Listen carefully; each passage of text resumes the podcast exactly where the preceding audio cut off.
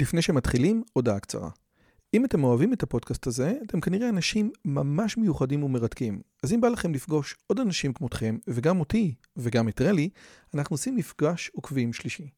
ביום חמישי, בתאריך ה-9 למאי 24, בין השעות 7.5 ל-11.5, אנחנו הולכים לקיים מפגש עוקבים שלישי בבית שלי בנופים בשומרון. מה בתוכנית? מינגלין וכיבוד עם עוד עוקבים מרתקים כמוכם, הרצאה שלי, דיון לגבי הערוץ, ציור בסטודיו ובסוף קומזיץ ופיתות על הסאג'. הרשמה מראש היא חובה וניתן לעשות את זה בקישור שבתיאור הערוץ או לחפש את הלינק ביוטיוב. נשמח מאוד מאוד לראות אתכם. ועכשיו, לשיחה. Rabbi Tuvia Zinger, thank you so much for coming today. How are you? Oh, Baruch Hashem. All well. Thank God. And let me introduce my co-host today, Reli, which is my wife and a devoted follower follower of Rabbi Tovia Singer. Uh, I wanted to talk about something that I find very worrying, and you, as an expert, will let me know if I see something that's really um, there. It seems that something has changed about missionaries here in Israel and it looks like it's gaining speed and intensity in a non-natural way. I mean, it's not, it, it looks like there's some very intense force behind this very, um, very frightening movement. I see them all the time on social media. I, we will not go into specifics. We will not mention specific channels. Um, it seems as if their growth in YouTube channels and in um, advertisement that they place, it seems much more than just organically growing interest. It seems like it's being pushed by some greater force. What do you think mm. about uh, just just to start just about this observation? Is it is it a thing? It's vital for you, the viewer, to understand that the success of Jews for Jesus and groups like that represents the unpaid bills of the Jewish people, meaning see it as a symptom. As we fail, I mean, it would be easy for me to be here and tell you how horrible these groups out there who are trying to convert Jews are. They are. They're really bad groups. But it's a symptom of a problem that we're raising a generation, unfortunately, that's not familiar with its own Bible. Moreover, it used to be that Israelis, when they went to public schools, they would receive enormous instruction in the in Tanakh. After all, Tanakh is not just a holy book; it's a family album. It's an it's the album. Oh, this is great! Beautiful, it's beautiful. album. You need, you, need you need, to listen carefully, Ken Look. Listen, my dear brothers and sisters. means shut Tanakh, up. Yeah. Tanakh is our family album. It's a story of our people. So it used to be, it was a time when many of the founding fathers of the Jewish state recognized that and knew Tanakh. Now, their observance varied, no question, but they understood that Tanakh is, a, is our history. I do many interviews on atheist shows, and I remind them that we're not, we talk about the Jewish, the Jewish scriptures, we're talking about a story in my family. Let me rephrase this a little bit. I am not 63 years old but rather we are all 4,000 years old. We're a continuation of a chain. That's who we are. And Tanakh it contains the record of our history, which we are a continuation of. We're the, we have a collective memory of our history we don't forget. And we also have a, a marvelous destiny.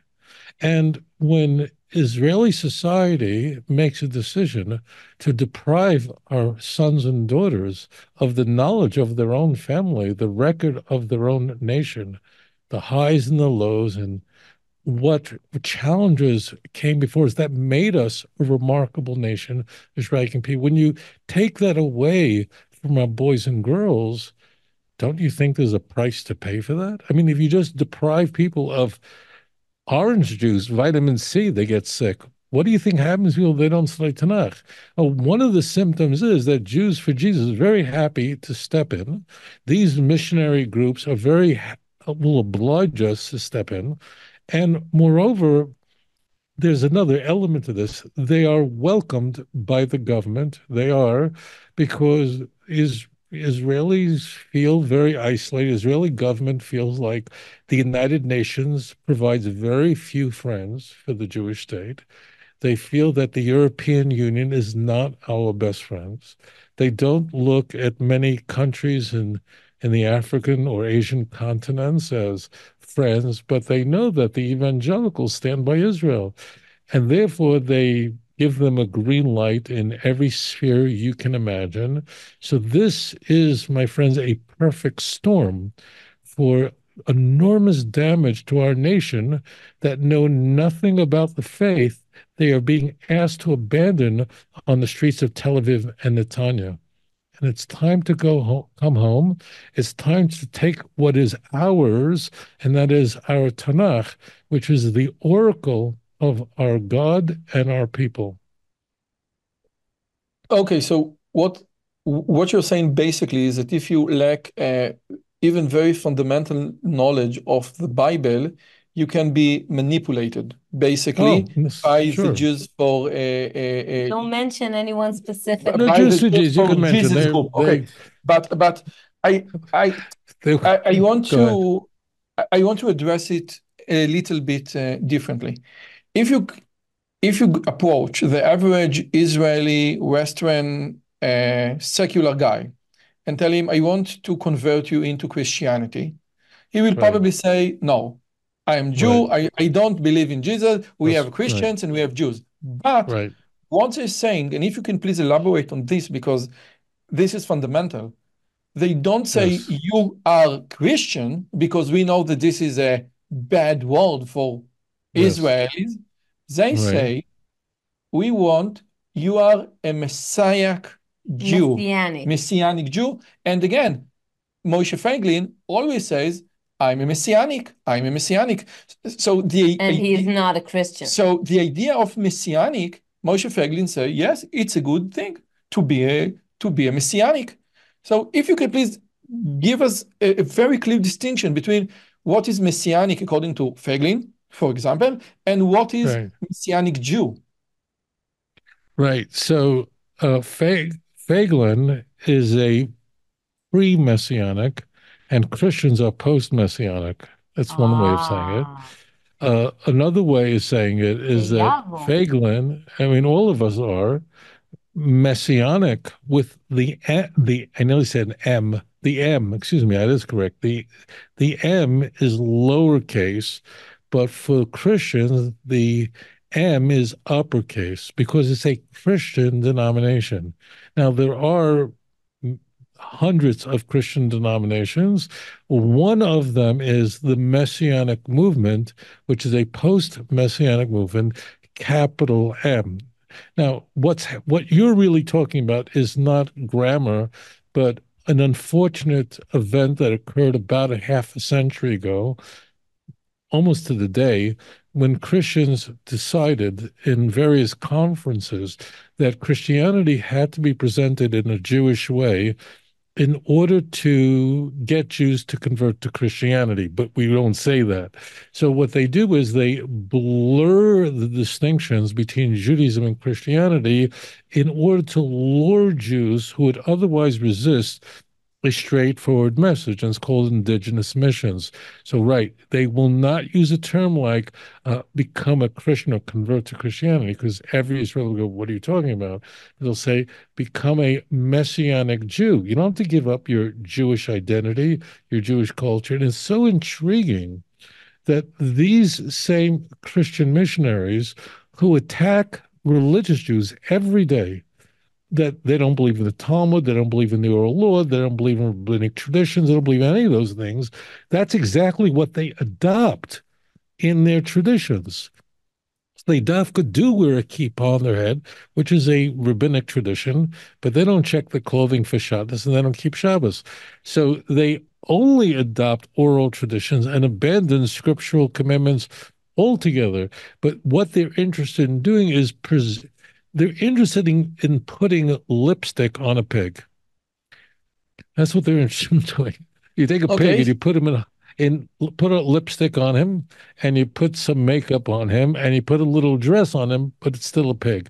And that's what they're doing. They're presenting Christianity in a way that appears and sounds Jewish. So they literally, and I don't have one with me, they literally have communications cards that say do say and don't say, and that's how they evangelize. And Israelis can be vulnerable, especially those who have a, a little bit of a, a broken soul, who are struggling with self esteem, who are going through personal trauma. And of course, right now, Israel is in a very traumatic situation. Uh, there is enormous amount of humanitarian aid needed right now. We're living in an unprecedented moment, epic in Israel's history. There's nothing like what what happened on that dark Sabbath. Nothing like that ever happened during the time of the Jewish state, and there is a tremendous vulnerability. The missionaries are very aware of this. They're providing humanitarian aid, but they're using that and unintended, they're weaponizing that to share the gospel of Yeshua HaMashiach to fellow soldiers. This is going on all over the place. And the way we see that they actually have films because they have to raise money for this. So they're raising fortunes of money in order to evangelize Israeli soldiers or families of soldiers or families that have been displaced. Because for those who don't know this, family um, communities in the South, in the Gaza envelope, communities in the north that are close to the Lebanon border have been evacuated, have been displaced. So many families. Missionaries are using this to provide aid and they're sharing the gospel of Yeshua HaMashiach to Israel. It's a very dangerous time. Okay, yes. Um, I I I actually kind of enjoy watching their YouTube uh, channels and seeing how they prey on Jews, innocent Jews. They make them cry. They like that. They put the put that always on the thumbnail, how they make Jews cry when they realize what Jesus is. And it's just revolting. And I pervertly like watching it because I want to see just how dark and how evil they are. I want to know. I just want to look them in the eye and know the lies they're saying about our God, the God of Abraham, Isaac, and Jacob, the lies they, they're telling about the Jewish nation. As you said, we are a remarkable nation. But they uh, are people who say that the return of the Jewish people is meant in the Bible. They are saying that the Jewish people's return to the land of Israel is a fulfillment of prophecy, Isaiah 66, Jeremiah 30, verse 3. These people are very serious Zionists. What I think is very dangerous is that they engage in a rechilut, which means they um, speak about the Jewish people in a way that um, that attacks our legacy. They say that the Jews hide books in the Bible. Rabbis tell you don't read certain chapters. That the Jews are hiding their faith, are hiding the truth and they engage in this conspiracy theories about Jews that I think is is very very dangerous. But it's a critical thing. I'll tell you why I bring it up, because there's they are very pro-Israel, but they exploit their Zionism by saying we're different than other Christians, other Christian denominations who are really not interested in converting us. Catholics in Israel, they're not really interested in converting Jews. I mean, they would if one would come along, but they're not running after it. They're not Zionists, but the, all the missionaries who are converting us are. I really would like to stress this one single point, if I may.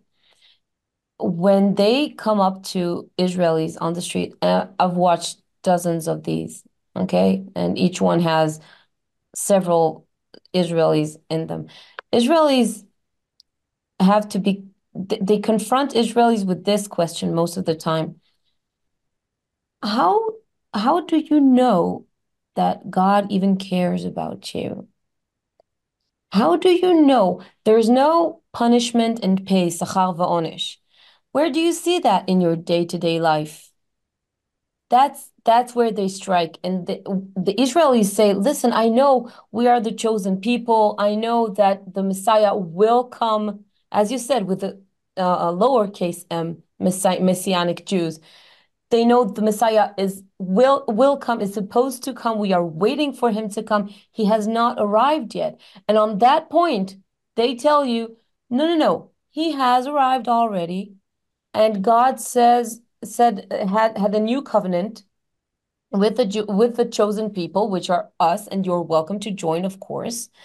Uh, they say the Christians, and they say, listen, you're you have been misled by the rabbis God does not care anymore. There's a new deal. There's a new covenant, Brit Chadasha. Okay, so this is where they they stab the hardest. I would really appreciate if you. I, I want, yeah, I want to just actually take that further because okay. you're being t- you're being too nice. Okay. Really, you're being too charitable. Thank you. Uh, just uh, so we, we, just we're going. That was that was vicious. Did you get that? Listen, Did you get that? Listen, I get everything. I get everything, but I'm not an idiot. I know when to shut my mouth. So, they, what they say, you're being very polite, and let me let's tell the truth. What they say is that actually, God can't even look at you. You're a sinner. You're worthless. You are you should be ashamed of yourself and there's nothing you can do to save yourself. So god can't even look at you. It's not that he's not paying attention to you. And and I'll, I'll just share this with you. If you understand what i'm about to say you the viewer you'll get the whole thing. What is our worst character feature? What is our worst vice really think about the worst decisions you ever made in your life where were you where was your self-esteem? Probably very low. When when a person's self-esteem is low, we make the worst possible decisions. When you look in the mirror, do you see somebody attractive? Probably not. Who's your worst critic? Go look in the mirror. Christianity exploits this, fuels this, and says, ah, you are a sinner. You are worthless. You are Deep hopeless. down, you know that. You know you're a sinner, and therefore there's nothing you can do to redeem yourself. It means, why do I need Jesus? Jesus really is a fifth wheel. A fifth wheel means it's vestigial. Cars don't need a fifth wheel. Cars are a very stable vehicle. Fifth wheel does nothing. But Redundant. you have to now create a need. Right. I mean, four wheels is fantastic. A fifth wheel actually would create more uh, friction, which would require more fuel, will be less efficient. But why do you need Jesus? So it goes to what you said, but you were too nice. They're saying that the Father, he's inaccessible. He's way out there. This is typical idolatry, henotheism. The great gods can't look at you. You're a low down nothing. And therefore, the only way you can be saved is not by anything you can do, by keeping mitzvot, by keeping Shabbat, by giving tzedakah. No, that can't save you. The only way you can be saved is somebody else who's much better than you'll ever be. He really is attractive. He really is beautiful. He really is sinless. And he died for your sins. What a wonderful guy. He'll never betray you the way everyone else betrayed you in your life. And therefore, if you believe in him, he made the sacrifice for you. Because, yes, the Father is out there, but you're so sinful and he's so righteous, he can't look at you. This is the precise argument that the prophets opposed. They all said the exact opposite. Hashem loves you. You are created in the image of God. And in fact, seek the Lord when you find him. Isaiah 55, verse 6 call out to him when he's near, because if you turn back to me, I'll completely forgive you. The whole message of Tanakh is that even though it seems Im- unimaginable, the Creator loves you and, in fact, would create the whole world just for you alone. Christianity is about, and other such religions, henotheistic systems, is the Father is completely inaccessible. You're nothing. He created the heavens and the earth. He's perfect. He's perfectly righteous, but that's weaponized. And that's so imagine somebody whose self-esteem is shattered completely. And this is where the the church comes in and says, yes, it affirms that and says, you are a sinner, you are hopeless. More importantly, there's nothing you can do to save yourself. This is what you need to do. Believe in someone who died for your sins. And that's where the that's where the nightmare begins and ends. Yes. And I have so much to say about what the beautiful things you've just said. But I think that the summary is in the word Yehudi. Yehudi means just like Yehuda that we've just read about for the few the past few weeks. Yehuda is also someone that Modeh gives thanks, and also Modeh uh, admits his wrongdoings. So the combination of the two is exactly the difference the difference between Judaism and Christianity because Modeh, to give thanks, means that God created you because he needed something from you. He needs you to recognize his his uh, uh, kingdom. He needs you to thank him, to look at the sky and at the earth and at the plants and at your husband, and to say thank you, my king. Thank you, my father, my king. And he also needs you to do tshuva, to say, I was I was not doing the right thing yesterday. I was not at my best performance today. And I, I, I regret that and I do tshuva. And with your help, you'll you'll guide me and pull me back to your needs and wants.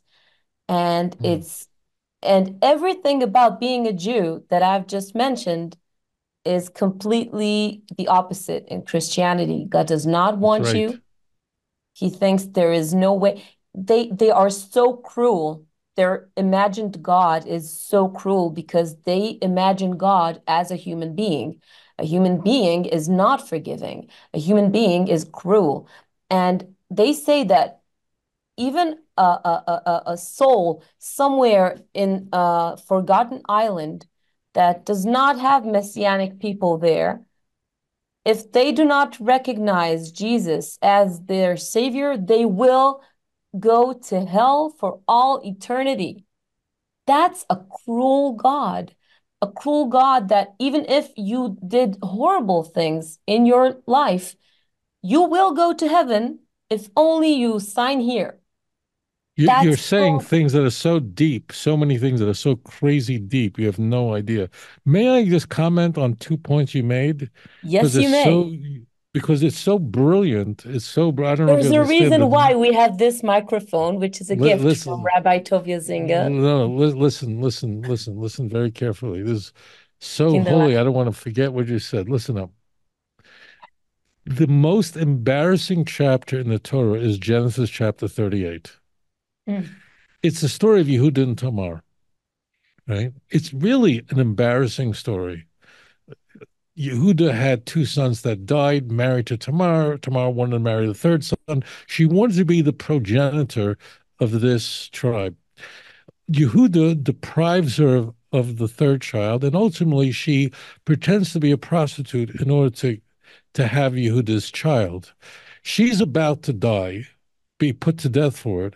And any normal woman who's about to be executed and the guy who did it is right there would say, but he did it, and she didn't. He's the judge. She put, she put down his personal effects and said, whoever got me pregnant owns this. This belongs to them. Wow. Now, Yehuda's standing there and going, my dirty secret's about to die with her. He could have shut his mouth, and he doesn't. What he does is he says, Actually, as it turns out, I'm the guy who did it. And number two is she didn't even do this of her own volition. I caused her to do this because I deprived her of my third son, depriving her of this levirate marriage, a pre-Sinaitic levirate marriage. Wow. So therefore, if you have a woman like Tamar and you have a man like Yehuda, they're very likely, they're not perfect people, but they're very likely to have a great great grandson like King David, who, when he's presented with his own sin through a parable by the prophet Nathan, he also says the word two words in Hebrew, Chatasi Hashem, I have sinned before the Lord. So that's what's happening with these great figures that you talk about. Yehuda is to praise, but also to admit they're not perfect. None of them are. Moreover, who does who did Yehuda come from? Means who did they come from? Who does King David come from? Another woman who could have said, I was a virgin and got pregnant, but she didn't. She rather said that my child is the child of an incest, Maya of Moab. This is how Genesis chapter 19 ends. She admits it. So if you have that kind of a family, you're going to produce a line of descendants who admit their mistakes. And that's what makes people great in Judaism. It's not perfect people. In fact, it's silly because if I was born to a virgin and I was a son of God, I wouldn't sin either. The, the whole point is not that you don't sin, but what do you do? Are you able to say, I am sorry. I've I've made an awful mistake, and that's what makes the that's what makes the great people remarkable in Tanakh. No one gets off. All of our leaders are flawed in some way, but the great ones are the ones who go, you know, I um, I made a mistake. I want to turn back to God. So that's what's very critical here. That's a very good point. There was a second point you made. What was the second point? You said, and I got all caught up in that. Well, anyway, go ahead that it's the exact opposite of Christianity. They say that there is no way back and that the Christian that God, God does not no, need no, you. God does not need your praise. Well, it's that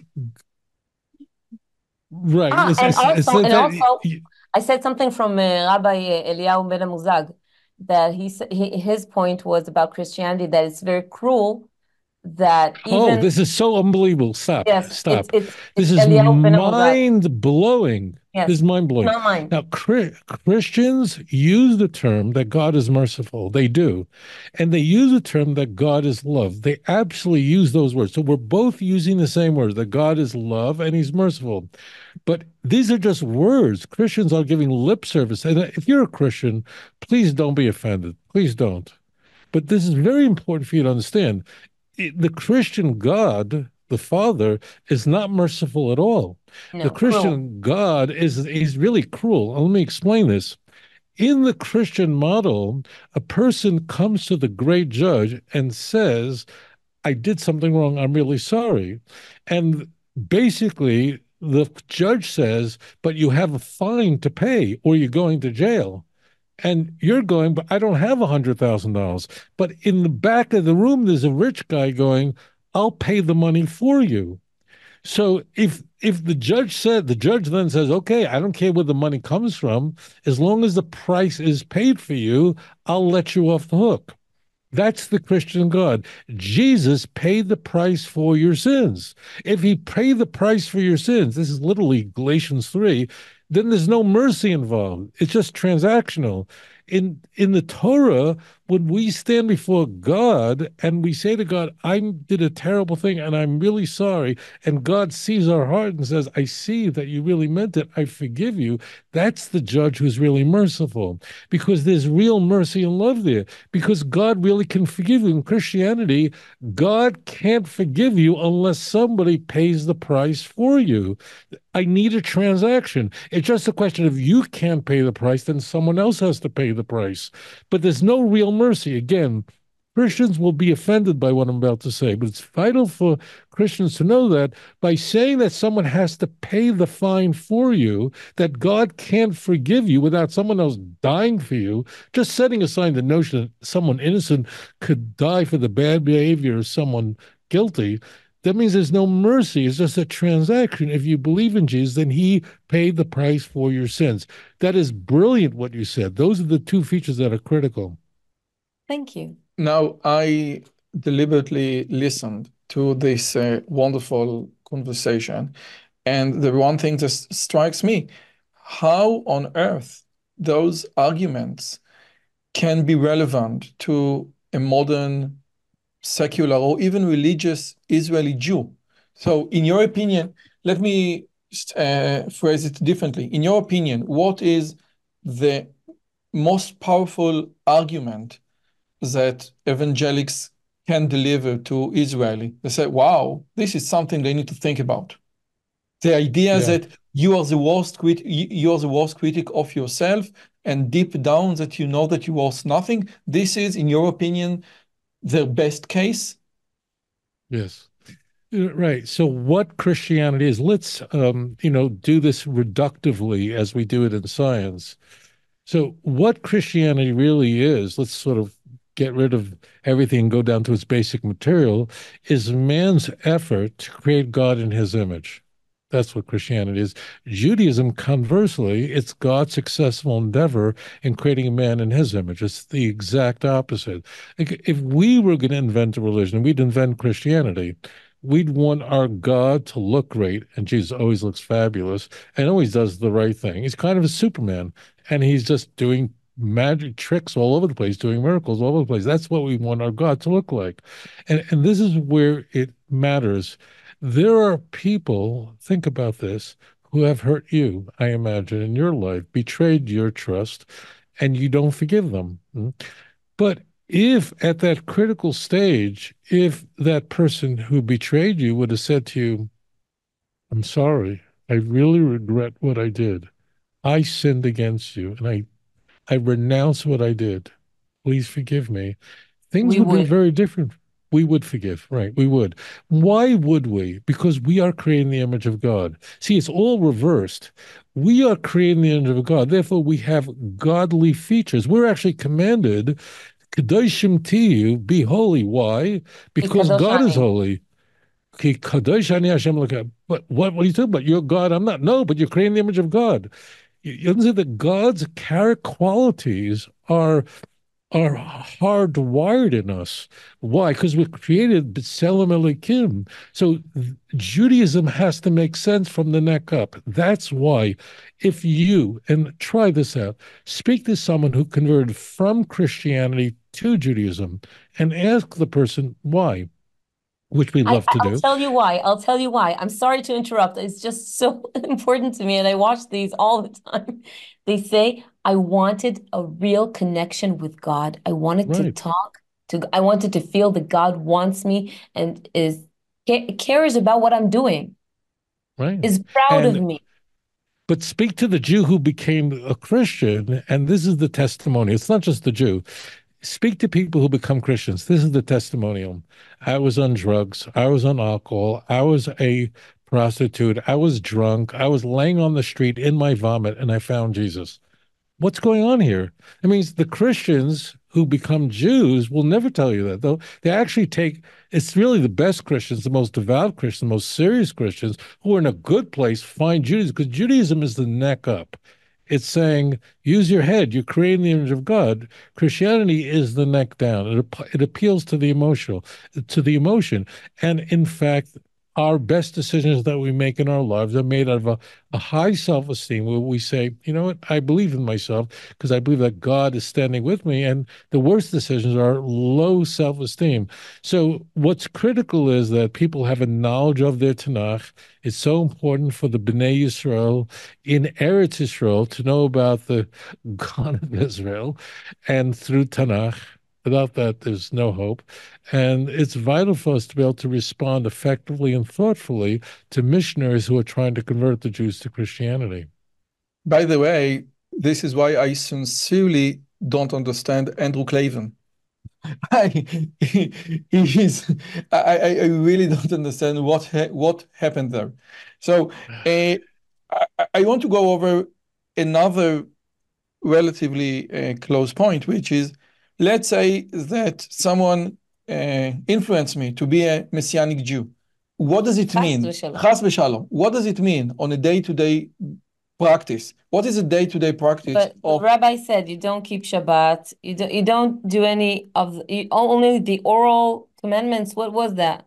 You're asking me what is the practice of the Messianic movement on a day to day level? on the Messianic This is- movement in Israel? Just a second. Yes. All all say again, the Messianic movement is is the same all over the world. But if the Messianic movement in Israel is even a little bit different, so yes, then the uh, the question is, right. what is the Messianic movement in Israel? So the Messianic movement really is highly variegated. It's and you have an entire spectrum. initially the Messianic movement was just a device. It was just it's in magic. It's called a prop. Uh, you know, when a magician cuts a lady in half, he puts her in a box. Why do you need a box? So you need a box because there's something going on and there's some misdirection, but you need a box. So that in magic is called a prop, the cloth. Why is there a cloth? So the Messianic movement was simply a prop. It was just a way. What is a, what is a magician doing? A magician is engaging in misdirection, right? He's not really uh, violating the laws of physics. He can't l- violate the laws of thermodynamics. That's not possible. But we enjoy it because he's fooling us and we have sort of an unspoken contract. Go ahead and i'll try to figure out how you did it and very often they but they always have a prop. So the prop of this christian iteration is we're going to use jewish symbols and icons and traditions in order to convey a thoroughly christian message. That's where it began. Now something happened along the way and that is some people who got involved in this christian iteration which contains are going, oh, you know, maybe it is better for us not to celebrate Christmas because Christmas is pagan. There are Christian denominations that won't celebrate Christmas, like the Puritans, for example. Or maybe we should wear a kippah because this is possibly how Yeshua uh, practiced. Now, one caveat I need to make sense of this. Listen very carefully. The whole church went through this after the Holocaust. That means Christianity in general, especially in the Protestant movement, had a rethinking where they uh, c- concluded after the Shoah that maybe the reason this uh, could have occurred is because Christianity was being conveyed in a way where the Jewishness of Jesus had been eradicated. So there was already, it's not like they pulled us out of nowhere, it wouldn't have worked, but there was something called post Auschwitz theology where they took they the church said we really have to change the way we're teaching christianity and show that jesus is jewish which you're going to get in every new testament course in every college anywhere anywhere in the world except for libya maybe. Okay so that's how it's thought. So th- so therefore so therefore what happened was the messianic movement was riding a wave that already existed there were already forces in Christianity that were already saying we need to talk about the world that Jesus grew up in. And after all, he was Jewish. And the Messianic movement rode the wave. Now, as they rode this wave, there are many people went, oh, maybe we should do more Jewish things. What I want to tell you is this the Messianic movement is fake. And therefore, there are many iterations of it. The vast majority of people in the Messianic movement, it's just a, as I explained to you, it's simply a prop. But for some of the people in, they actually go, oh, maybe this is a good thing and actually do it. So it's all over the place in terms of how they actually practice their lives. None of them are putting on tefillin in the morning. That's not happening. I'm not saying that but most happens. of them but most of them will not go to church and drink the wine and eat the cracker. No, so they actually the majority. This will come as a surprise to you. Most of the messianic congregations, whether in Israel or around the world, are filled with non-Jews, and Jews are actually in the churches. The messianic movement. This is a little the Messianic movement serves non Jews to train them how to effectively evangelize Jewish people. Because once people convert to Christianity, become Messianic, they're not interested in sticking around. They want to get into the churches. Whereas this is a critical point that we haven't discussed. In almost all cases, the person who succeeds in converting a Jew is a Gentile evangelical Christian, not a Jew who's already converted. You alluded to this. We naturally have an aversion to Jewish apostates, to Jews who become Christians. But if it's a non Jew who's pro Israel, why not have a theological? Right. So therefore, that's not offensive. So what happens very frequently is the person who's successful in evangelizing Jews is someone who's actually not Jewish at all. But how do they learn how to do that in messianic congregations? There are some exceptions to this in Israel, but the vast majority of messianic congregations are filled with non-Jews, and the Jews who have been converted eventually are flooding churches throughout Israel. This is the same thing in North America same thing in Europe. It's really, it is a little bit counterintuitive. Jews for Jesus' role, therefore, the Messianic movement's role, therefore, is to train evangelicals. They love training Asians, Koreans, people from South Korea. They're very dedicated people. They're very religious people. It's a very religious culture. Wow, and they have a, they have a lot of money. There are people in Korea that really are paying for enormous bills of running this whole messianic movement, and Asians have no history of anti-Semitism, right? When we meet someone who's from Korea, no one thinks anti-Semite because there's no Jews in South Korea. There's no history of anti-Semitic, and they really aren't anti-Semitic. They don't know anything about it. So therefore, we're really very open to having conversations cute conversations with cute people about their cute religion, and that's when they're that's when we're way vulnerable. So, is there an Israeli law against missionaries' activities in Israel or not? Because I there checked just there, before there, the yeah. conversation, and I said the Prime Minister Netanyahu said that after the missionary law, we won't progress a law against the Christian. Uh, we won't advance. We won't advance a law against the Christian. Uh, Community. And I agree with him. And I, I, agree with him in a crazy way. And that's not for the reason you expect. So there are two laws about missionaries in Israel. Law number one is that it is illegal to evangelize minors. About 30% of our country are citizens who are under the age of 18 years old. Okay. So it's not, it's against the law to evangelize them. The other law on the books is that you're not allowed to provide financial compensation or material compensation for conversion. Those are the only two laws that are in place. Now, the question is, should there be other laws? And it's come up to the Knesset, Israel's parliament, a number of times and voted down. And the, here's the problem the problem is that Israel is not enforcing the current laws, the laws that exist. It means right now, missionaries are evangelizing children. And no one's going to jail. No one's getting thrown out of the country for it. No one. They're not enforcing it. And the law enforcement in Israel has discretion to enforce enforce certain laws of that. They will not enforce it. And number two, they will not enforce laws against churches that are providing millions of dollars to Israelis if they'll get baptized. And Israeli law enforcement will not enforce it. So if Israel's government, judiciary, will not enforce the laws that already exist on the books, why would you want to legislate more? Why would you want to create more laws? Now, Shas has tried to advance such laws. It would be complicated because how do you interpret what exactly is evangelizing? Is it only Christianity? Whatever. But the problem is if legislation is not working and it's not enforced. That's most important. Then why add to the legislation?